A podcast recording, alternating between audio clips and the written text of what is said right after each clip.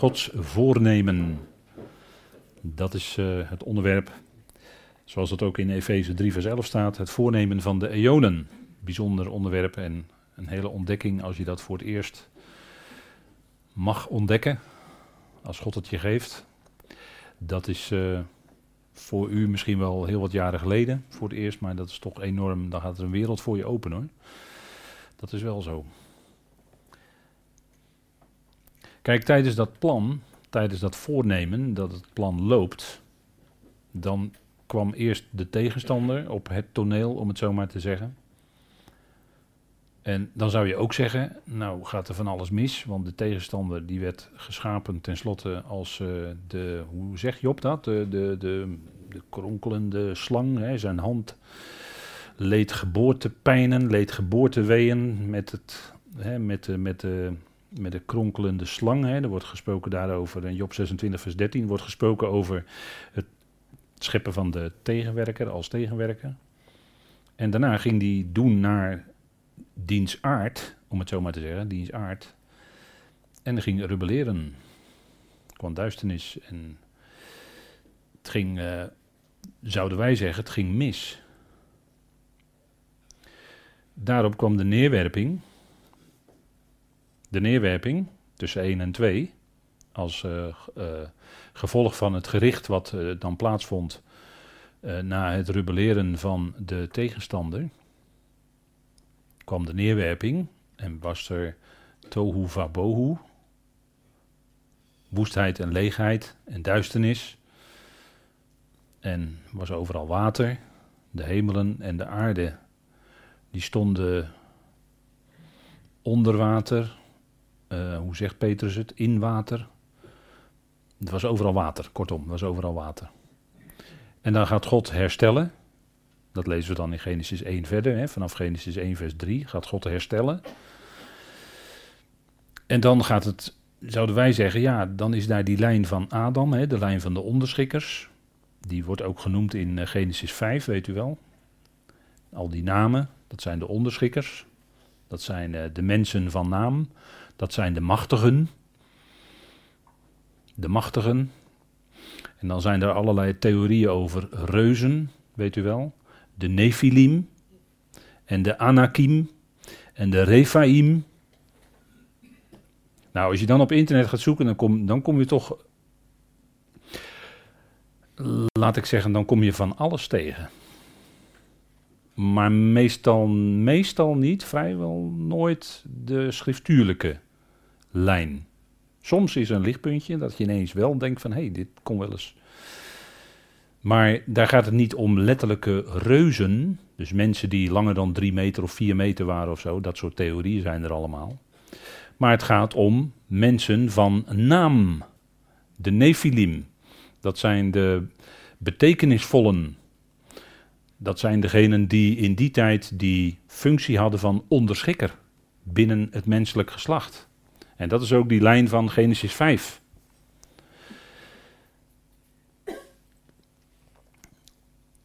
Dat zijn ook, als ik even aan Genesis 6 tip, dat zijn ook de zonen van God.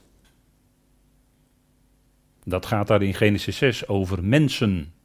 Zonen van God, mensen. Dat zijn zonen van de onderschikker. En door het woord God in de vertaling worden wij op het verkeerde been gezet, want daar hebben wij allerlei voorstellingen bij. Maar daar staat Elohim, daar gaat het dus om de zonen van Elohim, de zonen van de onderschikker, die in de lijn stonden vanaf Adam als onderschikker.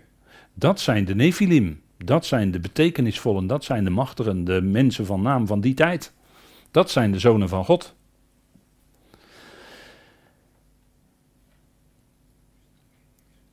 Dus men week af. Dat, dat zit daar helemaal in, hè?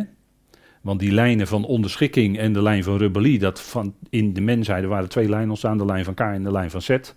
En die twee lijnen, dat, dat groeide steeds verder uit elkaar.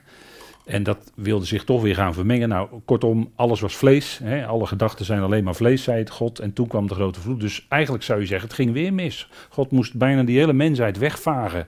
En iedereen verdronk op acht zielen na, zegt Petrus dan. Hè, en dat was bij wijze van spreken ook hun doop. Hè, het wordt vergeleken met de doop hè, in 1 Petrus 3. En zo werden zij door de ark werden zij gered. En dan zou je zeggen, nou, dan hebben de, de mensen toch wel een les geleerd. Hè, als er zo'n grote vloed is geweest, zo'n groot watergericht, waardoor bijna iedereen is omgekomen. Maar dan, daarna gaat het weer mis. Babylon. Nimrod krijg je dan op het toneel. Gaat het weer mis? Is er weer duisternis? God had gezegd, je moet je verspreiden over de hele aarde, je moet je vermenigvuldigen en verspreiden over de hele aarde. De mens deed het niet, nee, ga zelf een toren bouwen, Babel. Dat is het beginsel van Nimrod, het beginsel van mens wil zijn eigen koninkrijkje opbouwen. Dat zit altijd in mensen, dat is heel eigenaardig. Hè? Als mensen zich ergens in bewegen, dan willen ze altijd een, een, in, in een, in een uh, samenstelling, laat ik het zo maar zeggen, dan willen ze een eigen koninkrijkje bouwen. En wee gemeente, als jij aan dat koninkrijkje komt. Ho, ho, ho. Want daar heerst ikkie. En kom daar niet aan. Kijk, wat daar natuurlijk. Uh, kijk, dat is in feite altijd het beginsel van Nimrod. Dat is de lijn van Kain. Dat is de mens die op zijn eigen manier, op zijn eigen. Noem maar, noem maar eens maar op. Hè. U, u kent dat wel, de lijn van Kain. En dan wordt Abraham geroepen in duisternis, want Oer der Galdeën destijds, daaromheen was ook allemaal afgodenverering hoor. Maar Abraham werd geroepen en God gaf het dat hij gehoor gaf aan die roepstem. Hij werd geroepen uit de duisternis en God bracht hem naar het beloofde land. Hij had geen idee waar hij terecht zou komen, Abraham. En hij ging. Geloof. God had hem geloof gegeven. He, dat, uh, is, een hele merkwaardige lering die zegt dat. Um, uh, die zegt, en dan vat ik het even heel kort samen, dat is een hele merkwaardige lering, vind ik dat. Die zegt: God verkiest geloof. Met andere woorden, als er nou bij jou geloof is, kiest God dat. Dan draait het om, hè? Ja, je draait het om. En wat de schrift duidelijk maakt is: nee, als een mens gelooft, dan kan hij dat alleen maar door de inwerking van de geest van God. Dus God is altijd voorop, die geeft iets van zijn geest in die mens, zodat die mens kan geloven. Anders niet. Je moet niet gaan omdraaien. Dat vind ik, eh, dat vind ik omdraaien. Moet je altijd weer die woorden inslikken. Omdraaien is het. En dat kun je niet doen. Dan je, je kunt de zaak niet omdraaien. Dat, dat is, dat is uh, het werk van, u weet wel, die, die eerste rebelleerder, die draait alles om. als je vandaag in de, wereld, eh, in de wereld zo eens rondkijkt, dan zeg je ja, alles staat eigenlijk op zijn kop. Alles is omgedraaid, alles, niets, niets klopt er, alles is leugen, alles is bedrog.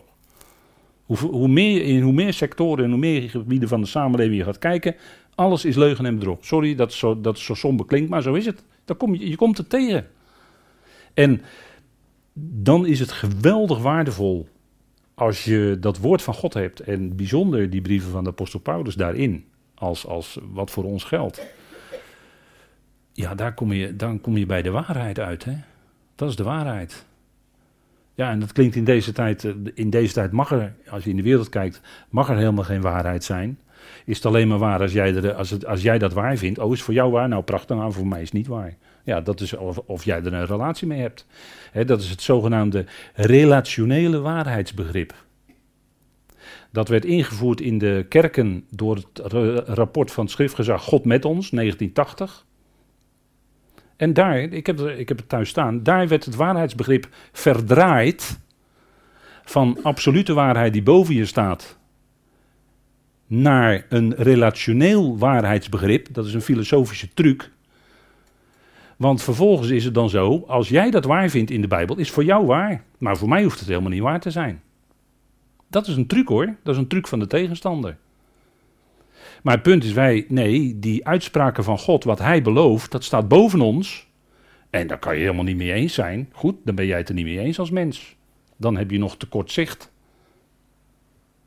Maar op het moment dat je dat gaat verstaan, ja, dan als God het jou geeft dat je gaat verstaan, dan ga je het ook zien, ja, dat is de waarheid. Want dat is die geest van de waarheid in je die dat dan bevestigt. Maar uit jouzelf, nee hoor. Dat is punt.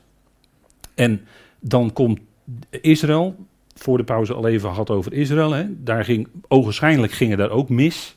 Ze kruisten hun eigen Messias. Daarna verwierpen ze zijn barmhartigheid.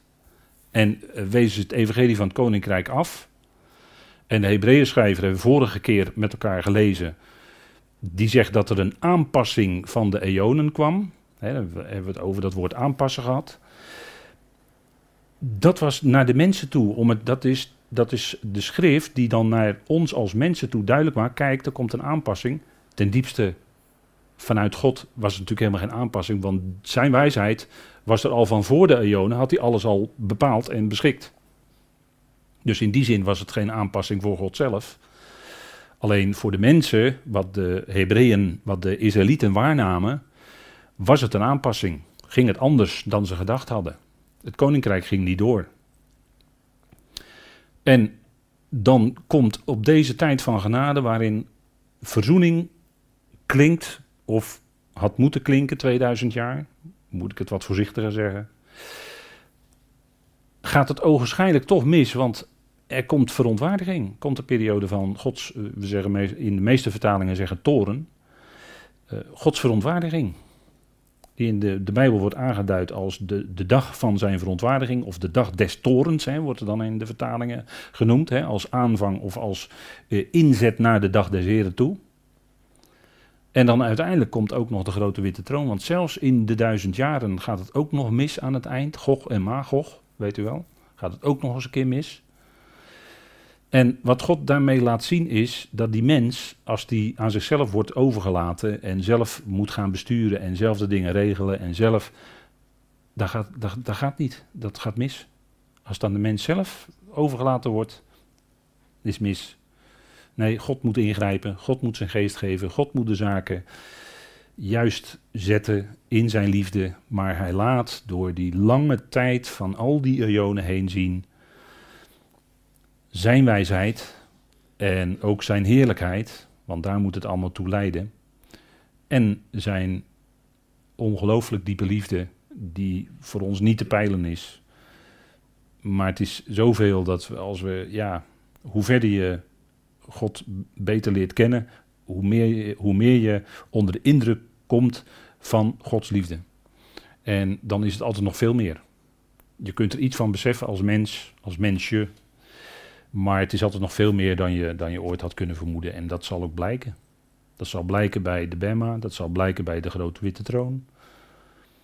Dat zal het allemaal gaan, gaan duidelijk gaan worden. bij de, en uiteindelijk de volleinding natuurlijk. Kijk, bij Seth, als we even teruggaan naar Seth, Adam, Seth, die kwam in de plaats van Kain. dus het ging bij de eerste broers ging het al mis, zou je kunnen zeggen. De een bracht de ander om het leven, als ik het netjes zeg. Dan Noach, Abraham, Israël, de natieën. En al die tijd bewaarde God in zijn hart het beheer van het geheimenis. Want dat was weggehouden in God. Tot het moment dat het zijn beslag moest krijgen. En toen werd het ook bekendgemaakt. Dus de dingen waar we het over hebben in de Efezebrief is wel heel bijzonder. Want dat lees je nergens anders terug in de schrift, alleen in de Efezebrief, deze dingen. En dat denk ik dat we als we die dingen op een rij zetten met elkaar, dan gaat dat iets meer tot ons doordringen. Hè? Dat, dat is de bedoeling. En dat wordt voor zich plaatsen, dat wordt hier, hè, die voorplaatsing, dat prothesin, dat wordt hier in deze tekst, Romeinen 3, wordt het als werkwoord gebruikt. Voorplaatsing. Of dat God die God voor zich plaatste. En dat gaat dan in het tekstverband hier over Christus Jezus. Het gaat om de vrijkoping in Christus Jezus in vers 24. En van hem wordt gezegd, die God voor zich plaatste als zoendeksel. dat wordt het woord deksel van bescherming de kaporet uit de tempel en tabernakel van de ark, het deksel, wordt daar als woord gebruikt. Hè? Hilasterion, zegt Paulus dan hier, als zoendeksel door het geloof in zijn bloed. Tot bewijs van de gerechtigheid van hem. vanwege het voorbijlaten van de tevoren geschied zijnde zondegevolgen. Ik heb het even heel strak nu op het Grieks vertaald en het is misschien geen goed Nederlands, maar ik heb hier even aan willen geven, heel behoorlijk letterlijk, wat hier ook de woordvolgorde is die daar staat. En het ging dus om zijn bloed. Daar wordt ook het woord voorplaatsen gebruikt. En dat is dan een koppeling met natuurlijk met dat woord voornemen. En centraal in Gods voornemen is het feit dat het kostbare bloed van Christus, dat spreekt van zijn onnoemelijk diepe lijden, dat dat de kern is van heel Gods plan, van heel Gods voornemen. Dat had God al van, ook voor zelfs de nederwerping van de wereld, zegt Petrus. Want die spreekt dan over het kostbare bloed van Christus, dat tevoren gekend was voor de nederwerping van de wereld, notabene. En dat had God zich dus al voor zich geplaatst, wat later op Golgotha uiteindelijk werkelijkheid zou worden. Daar werd zijn bloed gestort tot rechtvaardiging van die hele mensheid. Dat was, dat was waar het om ging. Zijn lijden en sterven aan het kruis. Daar ging het allemaal om. En dat had God voor zich geplaatst. En daar gaat het om het geloof in zijn kostbare bloed. En zijn bloed spreekt dus van zijn lijden. Hij gaf de levensadem terug aan vader. Hè. Toen hij de laatste adem uitblies, zei hij: Vader, in uw handen beveel ik mijn geest. En die geest was ook de essentie van het leven. Want als er geen leven is, kan het bloed ook niet stromen. Dus u moet, u moet dan niet, dat wordt vaak gemaakt, die gedachte, dat bloed is gelijk aan leven. Dat is niet zo. Dat is niet zo volgens de schrift. De schrift zegt dat ook nergens. Leven is er altijd vanuit de geest of de levensadem van God. Het levensbeginsel wat God in de neusgaten geblazen heeft van Adam, dat heeft te maken met zijn geest. En toen die in Adam geblazen werd, toen ging het bloed ook stromen en werd hij tot een levende ziel. Zo staat het ook precies in Genesis 2, vers 7. Hè? En zo werd Adam tot een levende ziel. Maar dat was pas nadat die geest, die levensadem, die Nishmat Chaim, de adem van de levenden, in zijn neus was geblazen. En toen was er leven. En toen ging het bloed ook stromen. Maar het bloed, zoals het hier gebruikt wordt, spreekt, is natuurlijk letterlijk, want letterlijk werd zijn bloed ook vergoten op Golgotha. Maar het spreekt van zijn ongelooflijk diepe lijden voor de zonden van de hele en de zonde van de hele mensheid.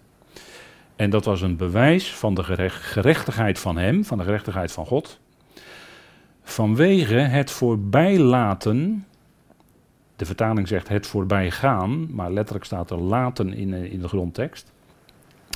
Van de tevoren geschied zijnde, of de tevoren, eh, in het, in, er staat eigenlijk worden, tevoren geworden mag je ook vertalen hier zonde gevolgen. Dus die zonden die gedaan werden, de zonde, dat had gevolgen. Staat hier in het meervoud, hè? De zonde gevolgen, zonde effecten.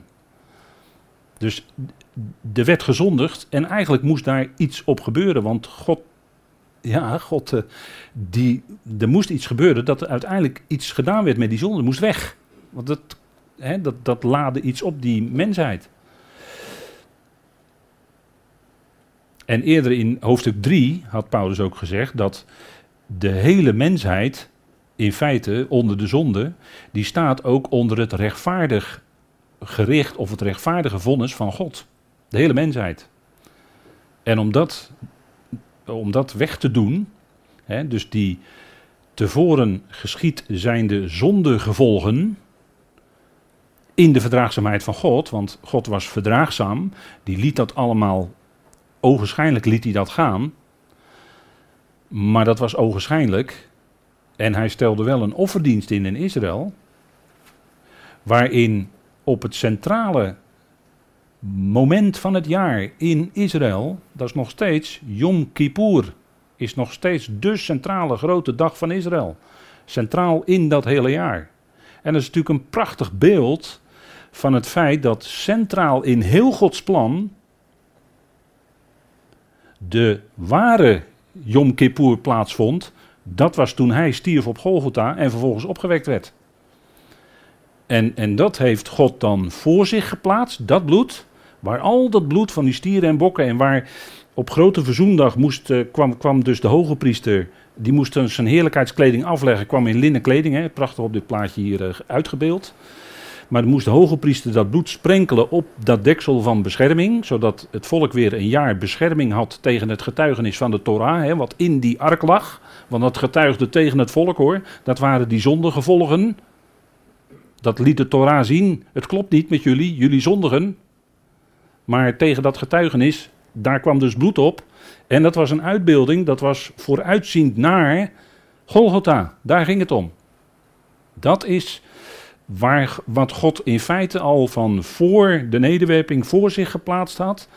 Dat zijn eigen geliefde zoon dat bloed moest geven, diep moest lijden en sterven aan het kruis voor die hele mensheid, om al die zondegevolgen weg te doen. En dat had alles te maken met Gods gerechtigheid, want God is een rechtvaardig God. God is niet alleen, uh, hè, God is liefde, zeker, maar hij is ook rechtvaardig. Hè, zijn gerechtigheid blijkt ook uit alles wat hij doet. En natuurlijk zijn liefde tegelijkertijd ook, natuurlijk, natuurlijk. Maar al die zonden, of die zondegevolgen, daar moest iets op gebeuren. En dat is gebeurd op Golgotha. En omdat wij daarna leven, ja, leven wij in feite in het kielzog, hè, de heerlijkheid van de gevolgen van de verzoening die daar tot stand is gebracht. Er is vrede gemaakt, zegt Paulus in Colossense 1, door het bloed van zijn kruis. Wordt ook weer bloed genoemd, hè?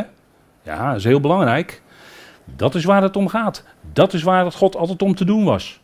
Dat is de kern van zijn hele voornemen. En daaruit mogen wij leven. Hè? Wij zingen dat ook wel. Heel merkwaardig zingen wij. Door zijn dood hebben wij leven. En wij begrijpen hoe dat zit. En zo is het ook natuurlijk. Dat is natuurlijk geweldig. Dat we, wij met God verzoend zijn. Ja, hoe? Nou, dat is niet zomaar door de dood van zijn zoon. Het was niet zomaar wat. Het was zijn geliefde zoon die door de dood heen moest. En dat is wat, dat is in feite wat, wat hier naar voren komt, op een heel bijzonder punt in de Romeinenbrief. Dit is fundamenteel. Dit is fundamenteel voor het heil. Dit is fundamenteel voor eh, iedere redding van welk mens of welk schepsel dan ook. Welke hemeling dan ook. Hier gaat het om. En dit is ook de bekendmaking die aan de hemelingen is gebeurd. Want hij is met zijn bloed de hemelen doorgegaan, hè, zegt de Hebreeënbrief. Dat is niet zomaar wat. Dat is niet zomaar wat. Er was een enorme prediking ook aan de hemelse machten en krachten. want we moeten beseffen dat die dienst bij de tabernakel, dat was naar het voorbeeld wat Mozes op de berg gezien had. Het voorbeeld was de goddelijke dienst van de hemelsen. Er wordt in Hebreeën 8 over gesproken. Die hemelse machten en krachten die hebben een, een dienst en wordt daar genoemd een goddelijke dienst. En daar, daar had Mozes zicht op gekregen en dat moest, hij, dat moest zijn weerslag krijgen in de tabernakel. En zo was dat een prediking, een heenwijzing naar wat werkelijk zou, later zou gebeuren. Want uh, daar ontbrak wel iets. we hebben het over de goddelijke dienst van de hemelse, maar daar ontbrak natuurlijk wel iets. Daar ontbrak het bloed van Christus. Dat kon niet, dat kon daar natuurlijk niet zijn, voordat hij daadwerkelijk zelf mens was geworden en zijn bloed had gegeven en later in zijn opgewekt zijn de hemelen is doorgegaan. En dat is wat voor de Ecclesia, die het lichaam van Christus is, is dat natuurlijk kernachtig, hè? is dat heel uh, wezenlijk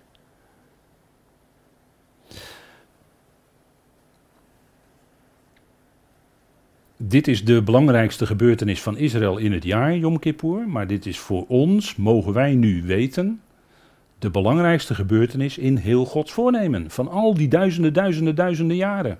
Ook die nog gaan komen. Van de komende duizend jaar en daarna de nieuwe aarde en de nieuwe hemelen.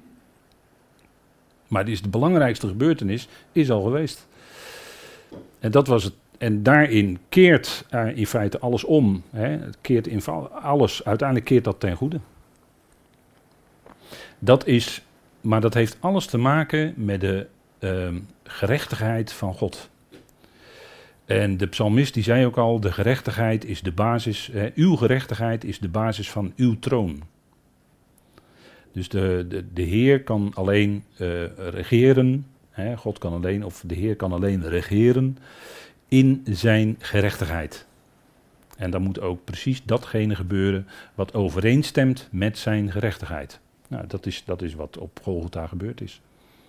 Dat is het fundament van alle, alle, al het heil. Hè. De belangrijkste gebeurtenis. God werkt planmatig. Ik denk dat dat voor ons allemaal al duidelijk is geworden. Hè? Ogenschijnlijk gaan de dingen mis, maar vanuit God gezien gaat er eigenlijk helemaal niets mis. Gaat het precies volgens plan. Daarom uh, is zo'n uitdrukking als de zondeval van Adam is een hele ongelukkige uitdrukking. En eigenlijk ook niet schriftuurlijk, want staat er niet. Hè? Er staat dat Adam en Eva zondigden. Maar de, een val veronderstelt bijna dat er iets onverwachts gebeurde en dat God dat nog achteraf moest repareren of wat er ook. Hè? Van zo, nou, nu, loopt, nu loopt het uit de hand, nu moet ik het eh, gauw achteraf nog gaan repareren. Dat is helemaal niet aan de orde hoor bij God. Het ging precies volgens plan. Zij deden precies wat zij in feite ja, ten diepste moesten doen. Alles werkt hij uit in overeenstemming met de raad van zijn wil. Dat is Efeze 1, vers 11. En ook daar zien we weer die, uh, die harmonieuitdrukking. Met dat in overeenstemming met. Hè? Dat is een uitdrukking van harmonie. Dus al wat gebeurt, al wat God uitwerkt en bewerkt, is in overeenstemming met de raad van zijn wil. U ziet hier de nauwkeurigheid van de schrift, want veel mensen vandaag de dag die gaan in tegen Gods geopenbaarde wil. En niettemin gebeurt toch dat wat nodig is in overeenstemming met de raad van zijn wil, omdat de diepere raadsbesluit van God, zijn bedoeling, dat gaat altijd door. En dat is zijn verheerlijking. Dat is uiteindelijk Gods bedoeling, dat hij zelf verheerlijkt wordt. Kijk maar naar de farao, dat is het uh, meest prachtige aanschouwelijke voorbeeld uit de schrift. Het is een prachtige illustratie van hoe dat werkt. En dan zegt u ja, maar we, we, krijgen, nog, we krijgen nog eh, Babylon. Hè? Als wij weg zijn, zal dat helemaal ten volle zich gaan uitwerken. Hè? Babylon, de stad die nu herbouwd wordt in Irak hè? door de Chinezen. We krijgen nog Gog en Magog wanneer dat ook mogen zijn, er is natuurlijk ook heel veel discussie over. Misschien in de duizend jaar. Misschien, dat zou heel goed kunnen. En aan het eind van de duizend jaar worden ze weer genoemd, hè, Gog en Magog. Dat komt er allemaal nog. Maar dat moet dus allemaal zijn beslag hebben volgens Gods plan. Omdat God daarmee iets wil laten zien. En uiteindelijk wil hij zijn eigen heerlijkheid laten zien, wil hij zijn liefde laten zien, bekendmaken aan alle mensen en wil hij alle mensen aan zijn hart drukken. Daar gaat het natuurlijk uiteindelijk allemaal om bij God. Maar dat gaat wel via een weg van allerlei contrasten, via een weg van allerlei tegenstellingen. En daardoor leren wij de dingen zoals ze zijn. En leren wij uiteindelijk ten diepste de liefde en de heerlijkheid en de gerechtigheid en de genade van God kennen. En op, kunnen wij daar iets van op waarde schatten, leren schatten. Dat gebeurt allemaal door contrast. En we zien al bij bijvoorbeeld uh, Jacob en Esau, hè, is ook spreekwoordelijk, die tweeling, die hadden al in de moederschoot hadden ze al ruzie met elkaar, zo'n beetje geloof ik. Want toen zij vooralsnog niet voortgebracht waren, ook niet iets goeds of slechts bedreven hadden. U ziet wel wat er staat, hè? Dus wij kunnen ogenschijnlijk zeggen het gaat mis. En het gaat helemaal niet mis, want God had al bij Jacob en Esau, opdat het overeenkomstig uitkiezing ik heb het ook hier weer even veranderd, hè, want eh, opdat het even, even bij u, wil ik het, uh, misschien haakte dan iets beter nog bij u. Opdat het, en heb ik even heel letterlijk de volgorde hier gevolgd, opdat het overeenkomstig uitkiezing voornemen van God blijft, niet uitwerken, maar uit hem die roept. Dus God handelde of eh, God had van tevoren al bepaald, overeenkomstig zijn uitkiezing. En dat was het voornemen van God, en dat paste helemaal in het voornemen van God. Hier hebben we weer dat woord prothees in. Opdat het voornemen van God blijft, niet uitwerken, maar uit hem die roept. Dus uitkiezing en degene die roept, dat wil dus zeggen, het gaat niet om jouw werken, ik doe het. Ik met een hoofdletter, God. Niet uitwerken, maar uit hem die roept. Nou, dat is zoals God dat doet. En daarom um, werd Esau op de tweede plaats gesteld. dat wordt, het woord haten wordt dan vertaald in Malachi 1, vers, uh, wat is het, 2 of zo. En Jacob had hij lief. Ja, dat is hoe God dat zegt, eh, hoe God dat doet met die twee. En uh, ja, natuurlijk, dat moest zo zijn. Dat moest zo zijn. Het ging, zoals vaak in Genesis, ging het om het eerstgeboorterecht. Ging het om de eerstgeborene. Hè, daar, daar, dat is steeds weer een terugkerend thema in Genesis. En dat was natuurlijk ook belangrijk, want dat was de, degene die de zegen zou krijgen. Hè, die de begunstiging van God zou krijgen, de eerstgeborene. Jacob en Esau natuurlijk ook. Het voornemen van God zou moeten blijven. En daarom koos God zich Jacob, degene die letterlijk dan als tweede geboren werd. Maar voordat ze geboren werd, werden, werd al gezegd, de grotere, dus de oudste, zal de mindere, zal de jongste dienen. En dat is zoals God het doet. Zo doet God dat. En dit geldt dan in Gods plan. Hè. We hebben eerder gezien vanavond wat voorafgaat, dus van voor-eonische tijden of voorafgaand aan de eonen. En dit geldt te allen tijden in Gods plan. Dit geweldige woord uit Romeinen 8.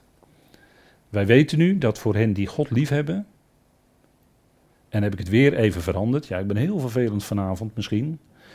Maar ook weer even die volgorde aangepast.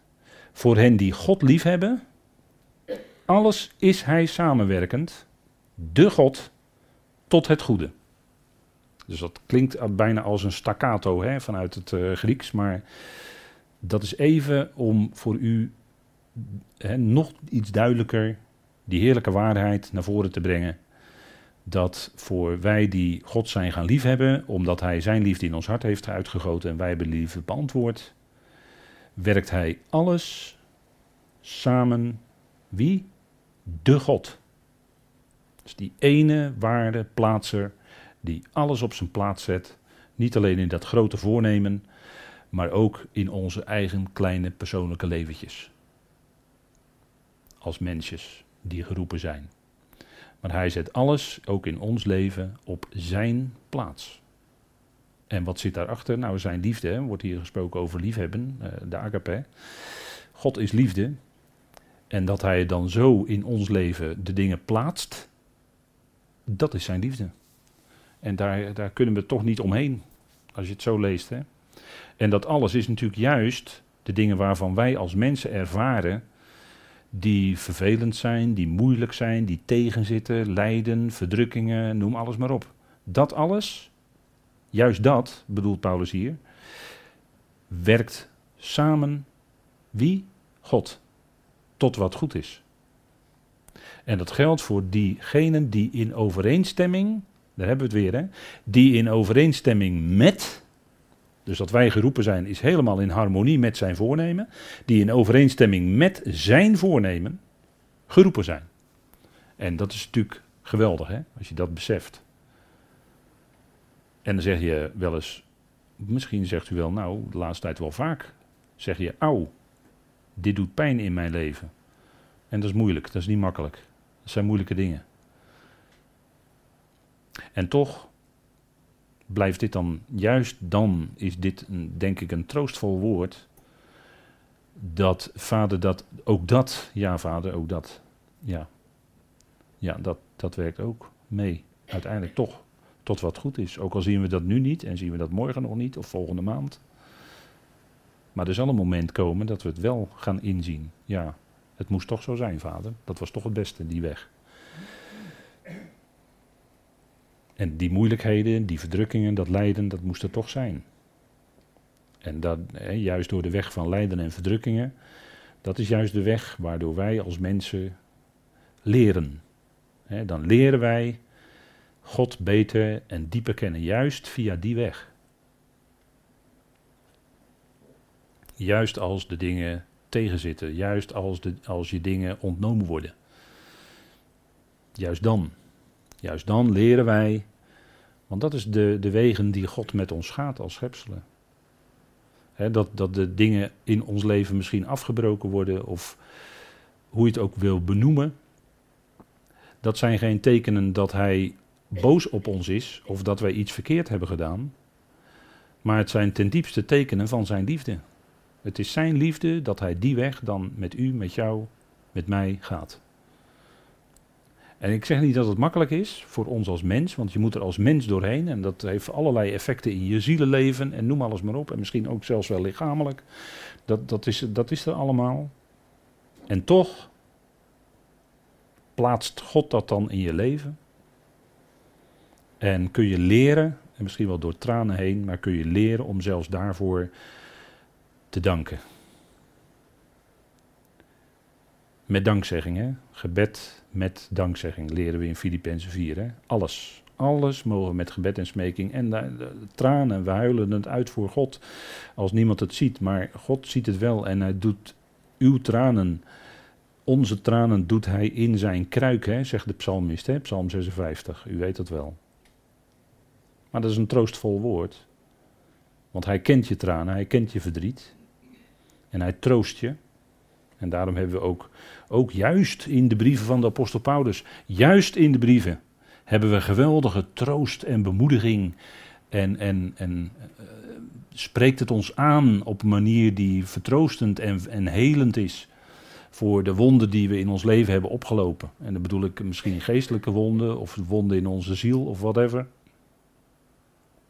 Juist daarin, juist daarin hebben we geweldige troost troostvolle verwachting die de brieven van de apostel Paulus ons, ons laten zien.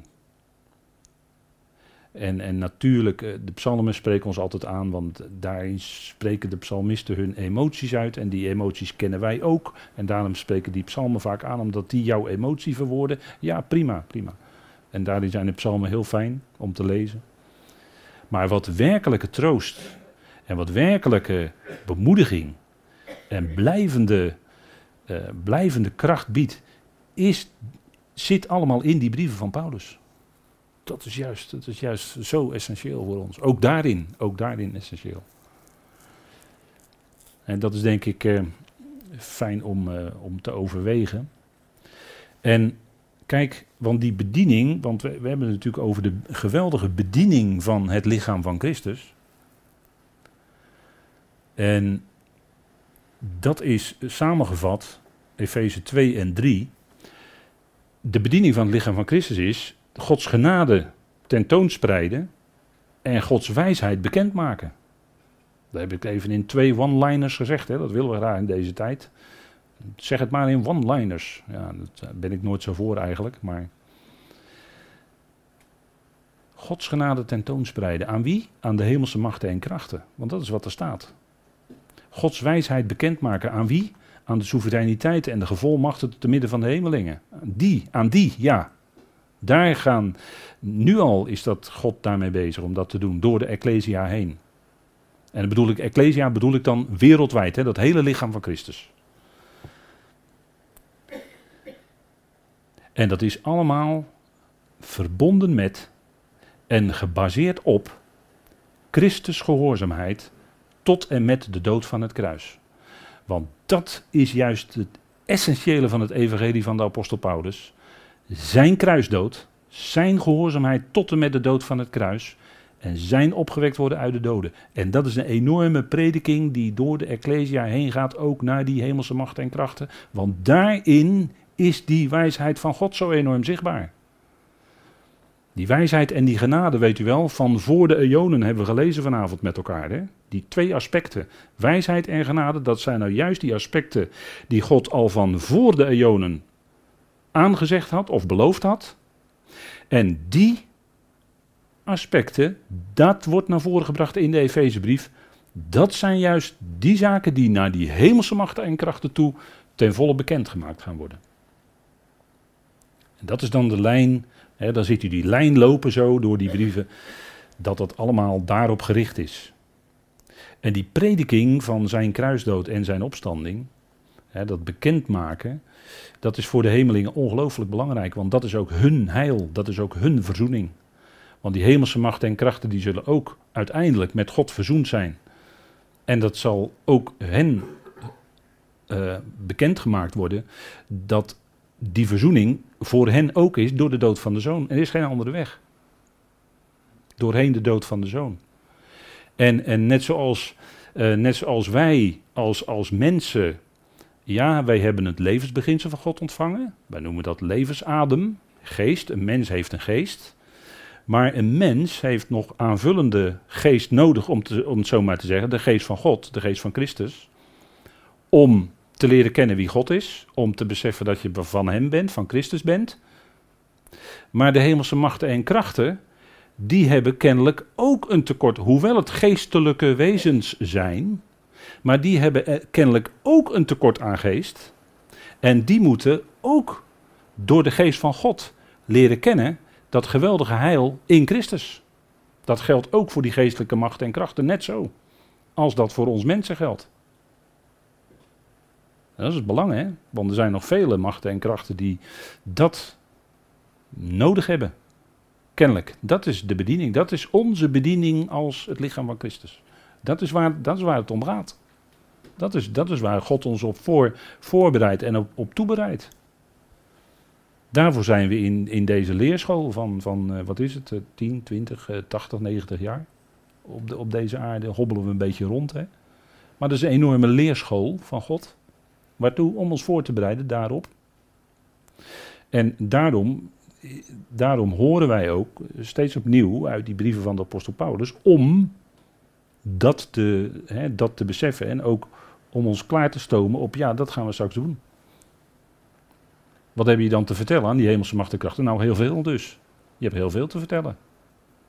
En wij kunnen dan communiceren. Hè, dat zal God ons geven. Wij kunnen dan met ze communiceren dat zal God ons door zijn geest ook geven. Dat we met die geestelijke macht en krachten communiceren. Want dat gaat heel anders dan dat wij. Dat gaat waarschijnlijk anders dan dat we hier zoals mensen met elkaar spreken. We spreken over andere hoedanigheden dan. Dus dat is allemaal, ja, dat.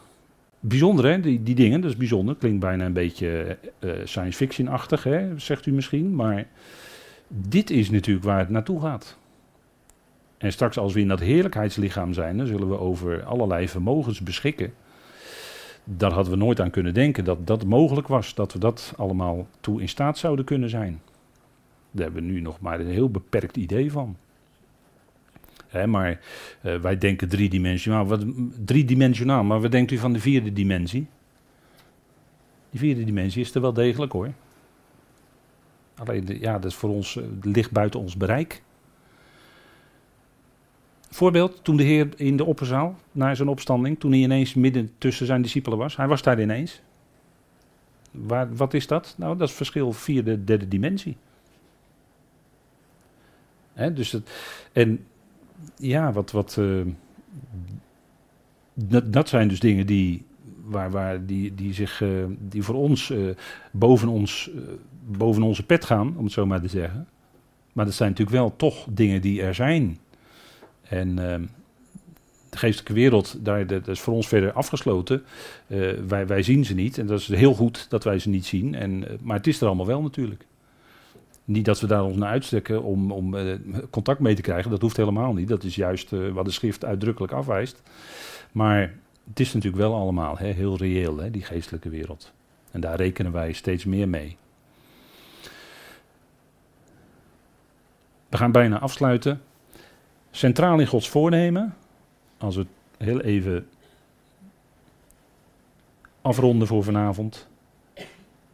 De zoon van zijn liefde, Christus Jezus onze Heer. De liefde voor zijn zoon is Gods beweegreden achter al wat hij doet. Ik denk dat dat iets is dat, uh, ja, daar kunnen we over nadenken en dat, dat is denk ik uh, bijzonder. dat lees je terug Um, ja, bijvoorbeeld bij Johannes. Wat we altijd dan zeggen, het Johannes-evangelie. Of het verslag van Johannes, dat is beter het verslag van onze Heer. over zijn leven op aarde door Johannes. Daar je die dingen ook in terug. De liefde van de vader tot de zoon. Je leest het bij Paulus ook heel duidelijk. God heeft zijn eigen geliefde zoon, zijn eigen geliefde zoon, heeft hij niet gespaard. Maar heeft hij voor ons alle overgegeven. Daar zit enorme diepte in hoor. Enorm diep gaat dat. Enorm ver. En dat is het hè, waar het om gaat. En dat uh, Gods plan is natuurlijk voor bedoeld om na de eonen, na de eonen, gaat er nog heel veel, ja, dan begint het pas zou ik willen zeggen. Dan begint het pas. Dan is God alles in allen. En wat je daar precies bij moet bedenken, dat God alles in je is, altijd. En dat hij alles in allen is, ja, dat is natuurlijk iets geweldigs. En dat is een vergezicht wat, ja, dat is, dat is zoveel heerlijkheid en licht. En dan is er nergens meer duisternis. alles licht. Letterlijk licht bedoel ik dan ook. Maar vooral alles is dan geestelijk licht. Alles is in de goede zin transparant. Hè? Ook zo'n modewoord van deze tijd. Transparant. Maar alles is dan helemaal door en door drongen van die geest van God. En dat is tot zijn heerlijkheid. En dan zijn allen ondergeschikt, onderschikkend aan God. Want dat is natuurlijk uiteindelijk wel het eind van zijn plan. Hè? Daar gaat het allemaal naartoe. Dat allen uiteindelijk onderschikken aan hem, aan God. En hem alle mogen kennen als vader. Ja, dat is als God alles in allen is. Dat is waar het naartoe gaat natuurlijk. Ja. Heerlijkheid. Goed, ik wil het hierbij laten voor vanavond. Zullen we met elkaar danken. Vader, wij danken u voor die enorme heerlijkheid van uw plan, van uw wezen, van waar het naartoe gaat. Vader, u zult uiteindelijk alles in alle zijn. En ja, dat is voor ons, betekent dat zoveel. Zo'n korte zin. Maar daar zit alles in. En vader, dank u wel dat het ook de sleutel is tot de gebeurtenissen tijdens uw plan. En vader, dank u wel dat iets van uw grootheid en uw heerlijkheid en uw liefde en uw gerechtigheid, dat we daar iets van mogen meenemen en iets van mogen gaan verstaan. Vader, uiteindelijk zal het een en al heerlijkheid zijn. We danken u voor uw goedheid, dat u ons ook deze avond het vergunde om zo bij elkaar te zijn. Dank u voor uw genade dat dat mogelijk is, dat we nog in alle vrijheid kunnen doen en ook uitgezonden kan worden. We danken u voor de kostbare waarheden uit uw woord. We danken u voor uw onmetelijke liefde, waarin we elkaar ontmoeten, met elkaar omgaan. Vader, mogen we stap voor stap meer en dieper u leren kennen in uw liefde en heerlijkheid en genade. En ook zo, Vader, dat het doorwerkt in ons leven ook naar de ander toe. Vader, dank u wel voor uw goedheid, uw trouw. U zal niet loslaten wat uw hand begon, ook in ons leven. En we bidden u ook voor hen die op dit moment het moeilijk hebben waarvan we weet hebben. Wees hen genadig nabij. U kent de omstandigheden van een ieder. Zorg over ziekte. Of behandelingen wel goed uitpakken. Wees nabij. Daarin, vaderen, schenkt u rust en vrede in het hart, in het leven. Gemis van een geliefde. Als een geliefde je ontvalt, is dat, betekent dat heel veel. En vader, we bidden u ook voor hen die daar dagelijks de, het gemis voelen, wat pijnlijk is. Wees daarin ook genadig nabij en troost en bemoedigt u hen. Vader, dank u wel dat we zo alles van u mogen ontvangen en dat diepe besef ook de nacht en morgen de dag weer mogen ingaan. Dat u bent en dat u ten diepste toch alles doet samenwerken tot wat goed is. En dat u geen fouten maakt. Vader, dank u wel daarvoor. Dank u wel dat u het uitwerkt naar heerlijkheid uiteindelijk. Zal het goed zijn. Vader, daar dank u voor en we danken u dat we dat mogen meenemen, wetend, Vader, dat u draagt. En dat doet u iedere dag. In besef dat onze tijden te allen tijden in uw hand zijn. Vader, daar dank u voor, in de machtige naam van uw geliefde Zoon, onze Heere Christus Jezus. Amen.